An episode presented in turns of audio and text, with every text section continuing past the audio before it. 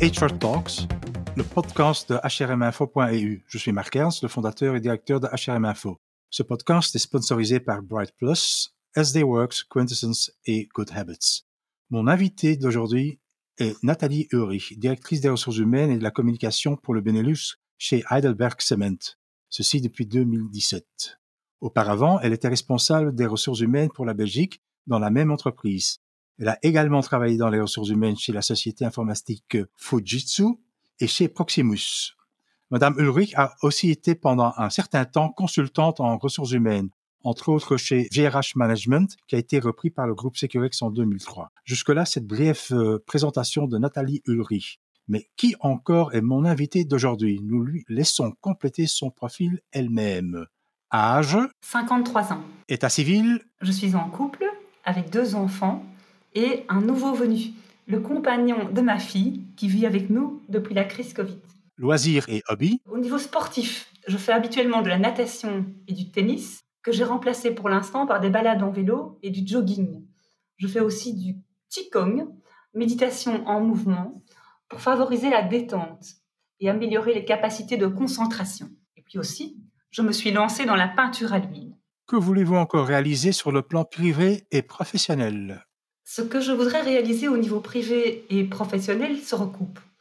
Je voudrais accompagner les personnes autour de moi dans leur développement personnel, aider mes enfants à réaliser leurs souhaits dans la vie, les leurs, pas les miens pour eux, et il en va de même au bureau. Mon ambition est de donner le support et les outils à chacun pour réaliser ses propres objectifs et se sentir au mieux dans un monde en perpétuel changement. Quelle personne ou organisation a eu une influence majeure sur votre vie professionnelle et comment? Ah, ça c'était au tout début de ma carrière. J'ai commencé à travailler en tant qu'account manager dans une entreprise qui s'appelait Compass et on commercialisait de l'information business to business sous forme d'annuaire papier. Et ce job, en fait, m'a permis d'entrer en contact avec de nombreux chefs d'entreprise de comprendre les produits et services. Donc c'était vraiment une première immersion dans l'entreprise qui était parfaite. Et puis, ça m'a permis aussi de voir que les outils de communication changeaient très très rapidement. On est passé du papier au DVD et puis à Internet. Donc cette expérience m'a vraiment appris à approcher le changement technologique comme une série d'opportunités et une évolution positive. Merci. Vu l'actualité, j'aimerais vous poser quelques questions à propos des élections sociales et le dialogue social dans notre pays, ainsi que sur la Mitbestimmung allemande. Pour rafraîchir la mémoire des auditeurs, la Mitbestimmung est un système de gestion paritaire dans les entreprises allemandes où les syndicats sont représentés au conseil d'administration. Nathalie Ulrich, comment se déroulent ou se sont déroulées les élections sociales à Heidelberg Cement? Elles se sont déroulées sereinement et respectueusement dans un climat de collaboration entre toutes les équipes. Les candidats, évidemment, les managers, notre équipe RH. Je ne sais pas si cela porte bonheur, mais nous avons actuellement 13 CE ou CPPT qui seront mises en place dès l'année prochaine. Le vote électronique euh, a-t-il euh, été utilisé? Nous avons évidemment plus ou moins 70% de notre population qui travaille sur site et nous avons utilisé le vote par correspondance pour une certaine partie de nos collaborateurs qui travaillaient notamment de la maison. Mais pour des raisons de sécurité de l'information et aussi de la digitalisation, nous avons utilisé le vote traditionnel dans la plupart de nos usines. Mais en général, vous voyez des, avantages liés au vote électronique, des inconvénients? Alors je vois plein d'avantages, mais aussi évidemment beaucoup d'inconvénients. Les avantages, c'est tous les avantages du digital, c'est-à-dire qu'on peut évidemment traiter rapidement toute une série d'informations sans mettre sur pied une organisation physique locale, dans notre cas dans plus de 13 endroits différents. Donc il y a vraiment de nombreux avantages. Par contre, la difficulté, évidemment, c'est de passer à l'informatisation et de mettre sur pied un système d'informatisation sécurisé sur place dans nos 90 sites, ce qui n'est pas si simple que ça. Donc ça nous prendra un certain temps, mais je vois les choses positivement. Conformément à la loi allemande sur le Mitbestimmung, le conseil d'administration de Heidelberg Cement AG est composé de 12 membres, dont 4 femmes, ce qui est 30% et seulement le cas dans 46 des 126 entreprises belges cotées en bourse. Rappelons que Heidelberg Cement est également coté en bourse. La moitié des membres du conseil d'administration sont élus par l'Assemblée générale annuelle conformément aux dispositions de la loi allemande sur les sociétés et l'autre moitié par les salariés conformément aux dispositions de la loi allemande sur le Mitbestimmung, donc la cogestion. Selon vous, quels sont les avantages et les inconvénients du modèle allemand de la Mitbestimmung? Je pense qu'il y a de nombreux avantages, notamment celui évidemment d'être impliqué au niveau de la stratégie, d'avoir une euh, relation qualitative et approfondie avec le management.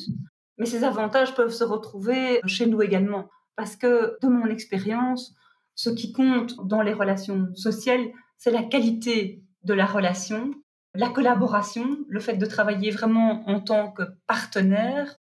Et la structure dans laquelle on travaille est bien sûr importante, mais ce n'est pas le principal. Le principal, c'est vraiment la qualité relationnelle, le fait de s'impliquer l'un l'autre dans les projets stratégiques ou les soucis, quels qu'ils soient, et le plus tôt possible. Voilà, en fait, euh, vous avez répondu à la question suivante. quelles sont, selon vous, les conditions d'un bon dialogue social? Ça, ça a été répondu. Parfait. Quel est votre point de vue sur le dialogue social en Belgique en général? Nous sommes dans une situation un peu particulière chez Heidelberg Cement, dans la mesure où nous avons plusieurs commissions paritaires et de nombreux CE et CPPT. Donc nous sommes confrontés à de nombreux comités, de nombreuses négociations, et nous sommes également dans l'industrie. Ce qui fait que nos collaborateurs sont très proches des produits qui leur tiennent vraiment à cœur, hein, que ce soit chez Sagrex, chez CBR ou Interbéton. Et donc, on voit vraiment que c'est la marque, en fait, qui leur tient à cœur. Et on peut vraiment avoir un dialogue à long terme sur le futur de l'entreprise en mettant nos produits et la pérennité de l'entreprise en avant. Donc pour moi, la structure actuelle de notre euh, tissu social en ce qui concerne notre entreprise nous convient parfaitement parce que ça nous permet d'avoir de nombreux comités, d'être très proches de nos collaborateurs, de discuter de leurs produits spécifiquement et d'y trouver des solutions. Donc cette structure nous convient bien. Et voyez-vous des améliorations possibles ou même souhaitables au niveau sectoriel ou au niveau fédéral? Au niveau sectoriel, certainement, dans la mesure où nous avons en fait des commissions paritaires par type de pierre pour une de nos activités. Et là, je pense qu'il y aurait peut-être moyen de simplifier la structure. Mais comme je le disais, d'autre part, l'avantage, c'est qu'on a vraiment des solutions adéquates et sur mesure pour chacune de nos carrières, ou presque. Une étude récente de KPMG, la 2020 HR Pulse Survey, menée auprès de 1300 DRH du monde entier, indique que 60% d'entre eux reconnaissent la nécessité de repenser fondamentalement les pratiques et les concepts des ressources humaines. Les RH doivent se réinventer, disent-ils. Chez nous, Sandra Willikens, directrice des ressources humaines chez BNP Paribas Fortis, et Saskia Van Uffelen, Corporate Vice President Benelux de GFI World, un acteur majeur dans l'informatique, et également membre du conseil d'administration de Bpost, ont dit ou écrit des choses allant dans le même sens. Wilkins a publié une tribune libre dans le Tête et l'Écho intitulée Nous ne pouvons continuer comme avant la crise. Et ce titre concernait la profession des ressources humaines. C'est ce que nous pensons depuis longtemps chez HRM Info. Quel est votre avis sur la question? Je ne peux que confirmer le besoin de se réinventer, mais pas seulement en ressources humaines, aussi dans les autres domaines de l'entreprise. Il s'agit vraiment d'une évolution globale et je vois plutôt le monde futur avec des approches transversales et collaboratives. Et donc l'organisation de demain, selon moi, sera plutôt plus agile, avec une approche par processus plus qu'une approche en silo et par département. Et donc le département actuel des ressources humaines fera également partie de ce changement et de cette approche plutôt par processus et transversale. Maintenant, il est temps pour notre petit intermezzo habituel. Nathalie Ulrich, quelle entreprise ou autre organisation vous inspire-t-elle en raison de sa politique de ressources humaines et pourquoi? Alors j'admire les entreprises qui ont trouvé un juste équilibre entre un style de management collaboratif et également les besoins des clients et des actionnaires. Alors le tissu économique en Belgique est vraiment constitué d'un tas de petites entreprises innovantes et agiles, et ce sont vraiment ces entreprises que j'admire. Je pense par exemple à Silver Square ou des entreprises similaires. Quel livre sur les affaires, le management ou la gestion des ressources humaines recommanderiez-vous à d'autres professionnels RH de lire et pourquoi? Dans le contexte actuel, je recommanderais de lire The Mind of the Leader, qui a été publié au Harvard Business Review Press. Cet ouvrage permet en fait d'appliquer les concepts de la pleine présence, de la confiance et de la compassion dans notre environnement professionnel. Chacun d'entre nous est un être social qui a besoin de connexion, pas seulement digitale mais aussi humaine et bienveillante. Et donc plus que jamais, les collaborateurs ont besoin de leaders à l'écoute, présents et qui donnent du sens. Et cet ouvrage offre des solutions pratiques aux leaders qui désirent développer et adapter leurs compétences à la nouvelle réalité du travail en prenant soin de soi, de son entourage et de ses collaborateurs. Quelle est la plus grosse erreur que vous avez commise en tant que professionnel des ressources humaines et quelles leçons en tirez-vous? Alors c'était il y a bien longtemps je rapportais à une personne qui était fort différente de moi au niveau personnalité et cela crée de fortes tensions et d'incompréhension, non seulement pour lui, pour moi, mais aussi pour l'équipe avec laquelle je travaillais. Et j'ai réalisé, en me formant entre autres au MBTI, que ces différences pouvaient être comprises comme des richesses pour l'équipe et qu'une meilleure prise en compte des points de vue pouvait amener à une situation plus positive. Et donc, quand ce type de situation se reproduit, je me rappelle la citation de Carl Jung qui dit Si l'attitude ou la réaction de quelqu'un vous énerve, cela devrait vous apprendre quelque chose sur vous-même. Ok, merci. Une des conséquences de la crise Covid-19 est que les entreprises se tourneront définitivement vers le télétravail. Le travail à domicile ne sera probablement pas une réalité de 100%, mais quand même très importante. Telenet, par exemple, a fixé une norme minimale de 40% et pas seulement pour les white collars. Cela signifie aussi qu'il faut moins d'espace de bureau. Par exemple, Proximus envisage de déménager des tours à la gare du Nord. De manière générale, quelles sont pour Heidelberg Cement les conséquences possibles ou certaines de la crise Covid pour l'entreprise en général et pour la politique RH en particulier. En tant qu'entreprise, la crise Covid a créé un choc qui nous a forcés à adopter rapidement des changements technologiques et organisationnels. Et cela a aussi facilité une acceptation rapide de la part des collaborateurs. Ils ont fait preuve d'une énorme agilité, d'un esprit d'équipe, en prenant notamment soin les uns des autres, et toutes les fonctions susceptibles d'être effectuées à distance l'ont été. Toutefois, une partie significative de nos collaborateurs, dont par exemple 500 chauffeurs, ont continué à travailler et à servir nos clients en appliquant des règles de sécurité et de santé beaucoup plus strictes que d'habitude, et ce pour eux-mêmes, leurs collègues ou nos clients.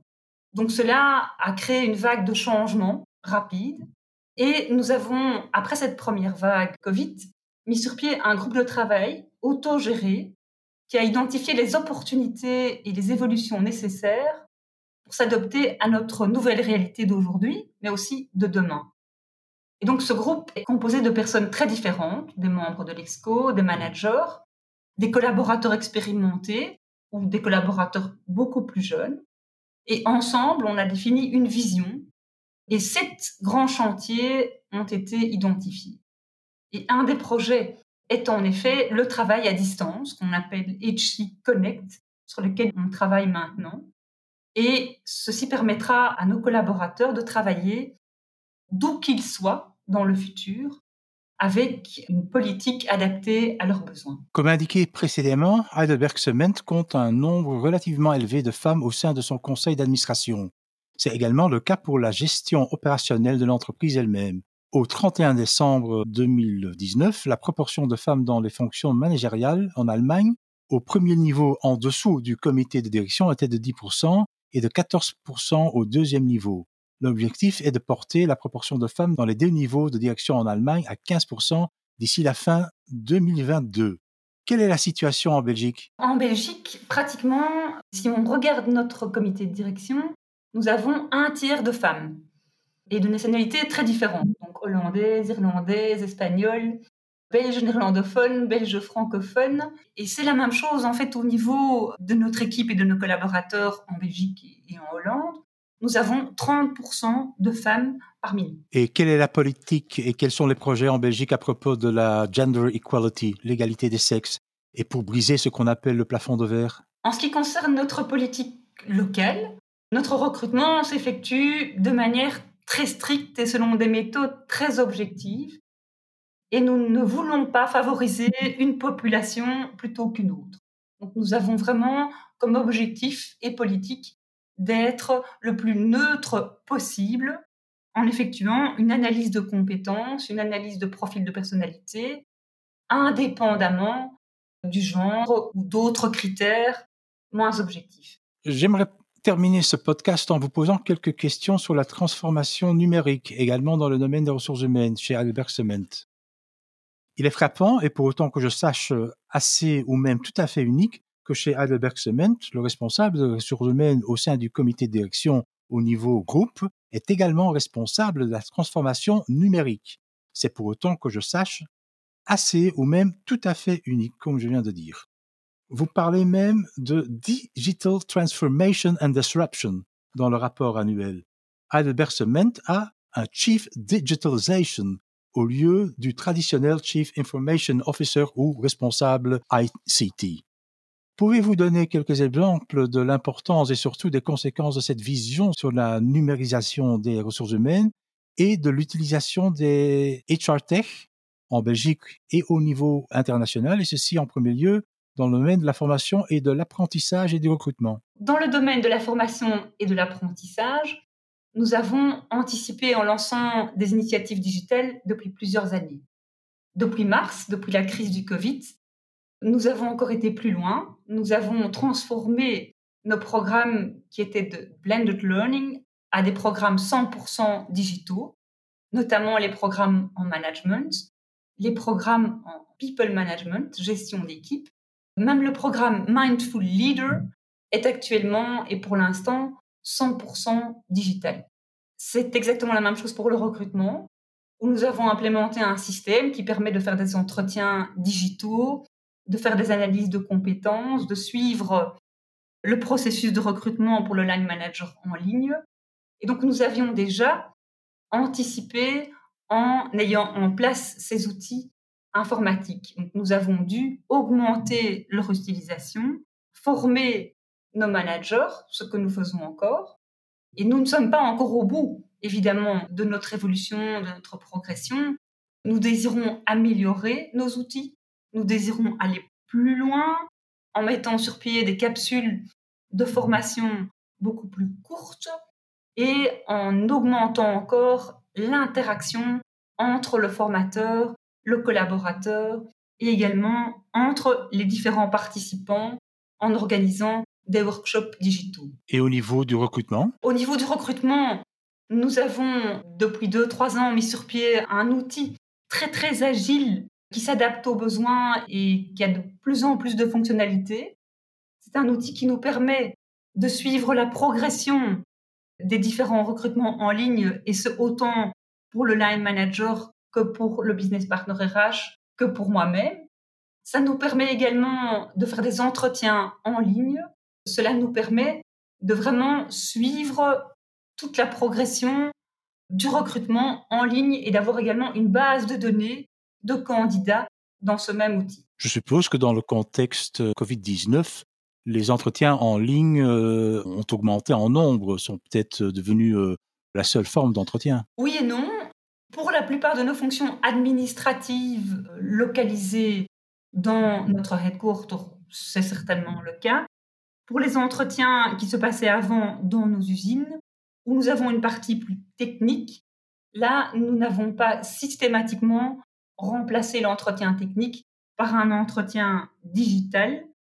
Et puis, ce qui est important pour nous aussi, c'est que nos futurs collaborateurs sentent notre business, aillent se promener et, et fassent connaissance de nos carrières, de nos usines, de nos cimenteries, pour apprécier l'ambiance, la qualité de nos produits et vivent Heidelberg Cement avant de nous rejoindre et apprécient faire le pas. Voilà, nous sommes à la fin de cette deuxième édition de HR Talks.